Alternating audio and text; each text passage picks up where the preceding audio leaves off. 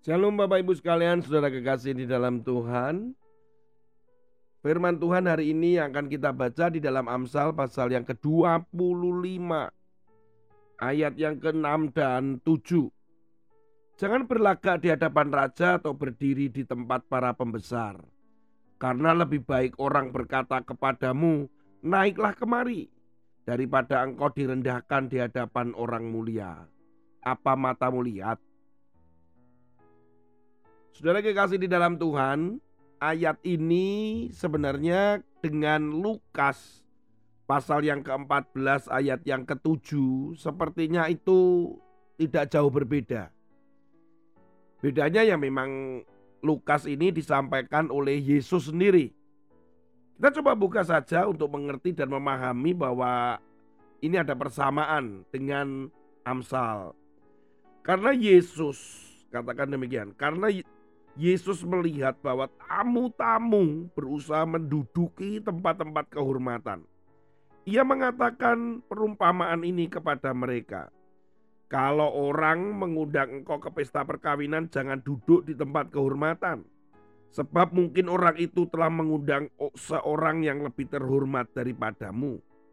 Supaya orang itu yang mengundang engkau dan dia jangan datang dan berkata kepadamu, Berilah tempat ini kepada orang itu, lalu engkau dengan malu harus pergi duduk di tempat yang paling rendah. Tetapi apabila engkau diundang, pergilah duduk di tempat yang paling rendah. Mungkin tuan rumah akan datang dan berkata kepadamu, "Sahabat, silakan duduk di depan." Dan dengan demikian engkau akan menerima hormat di depan mata semua tamu yang lain. Sebab barang siapa meninggikan diri ia akan direndahkan dan barang siapa merendahkan diri ia akan ditinggikan. Pokok daripada ayat ini sebenarnya orang itu harus merendahkan diri. Karena orang yang merendahkan diri di hadapan Allah itu bisa ditinggikan. Artinya dimuliakan, diangkat, dihormati. Tapi jangan mengaju-ngajukan diri untuk kita dihormati. Hormati aku. Hargai aku. Nah, orang-orang yang seperti itu akan malu apabila nanti ternyata ada orang yang lebih dihormati, lebih dihargai. Lebih baik memposisikan posisi yang rendah. Artinya rendah hati.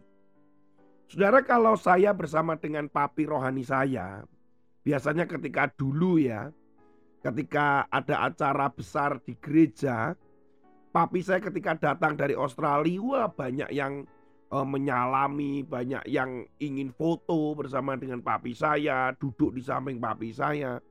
Padahal saya yang menjemput di bandara, saya duduk bersampingan dengan papi saya. Saya mencoba terus posisi saya harus jauh dari papi saya.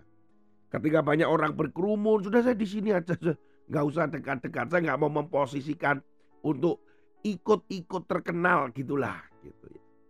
Bahkan ketika papi saya berduduk bersama hamba-hamba Tuhan yang besar di tempat-tempat kami menyebutnya kursi kursi kayak ruang mah kudus itu ada kursi-kursi cantik, kursi-kursi besar, sofa itu. Papi saya pasti duduk di situ. Di antara hamba-hamba Tuhan yang besar lain dan mereka berdampingan. Ngobrol sana, ngobrol sini. Saya pasti duduk di belakang paling belakang. Sempat waktu itu ada orang berkata, Pak, deket maju aja ke depan. Wah saya nggak mau, saya nggak mau. Di sini aja saya bilang begitu. Nanti daripada saya sudah duduk di situ dan kemudian saya diusir, suruh pergi karena itu bukan tempat duduk saya. Saudara kekasih di dalam Tuhan. Jadi ini benar-benar saya alami betul. Bahwa saya posisinya harus jangan mengaju-ngajukan diri. Oh itu papi rohani saya itu. Oh itu saya kenal ya buat apa sudahlah. Kita lebih baik jauh saja, memposisikan jauh. Kalau memang kita sudah posisi hati kita benar, pasti Tuhan lihat. Kita bisa diangkat. Rendahkan dirimu. Saya pernah dipermalukan dalam hal seperti ini. Saya pernah satu kali diundang sebuah gereja untuk menyampaikan firman. Saya tidak melakukan konfirmasi itu kesalahan saya. Ketika saya masuk ke gereja itu, sementara saya menggunakan jas dan dasi dan siap berkhotbah, saya duduk langsung di depan, saudara. Saat saya duduk di depan itulah tiba-tiba dia akan mendekati saya. Dia bertanya, Bapak diundang siapa? Waduh, saudara. Loh, saya dikonfirmasi lewat, saya ditelepon lewat seseorang. Katanya hari ini saya khotbah di sini jam sekian. Tidak Pak, itu sebelah Bapak itu yang nanti akan khotbah. Waduh, itu semalunya luar biasa saudara. Karena saya benar-benar duduk di de di depan sendiri gitu ya. Mungkin itulah yang membuat saya trauma. Yang akhirnya kalau di gereja kami tidak pernah ada kursi khusus untuk hamba Tuhan, semuanya sama. Bahkan kalau saya ada ibadah saya pasti duduk di belakang. Jarang sekali saya duduk di depan sendiri. Walaupun itu gereja tempat kami gembalakan.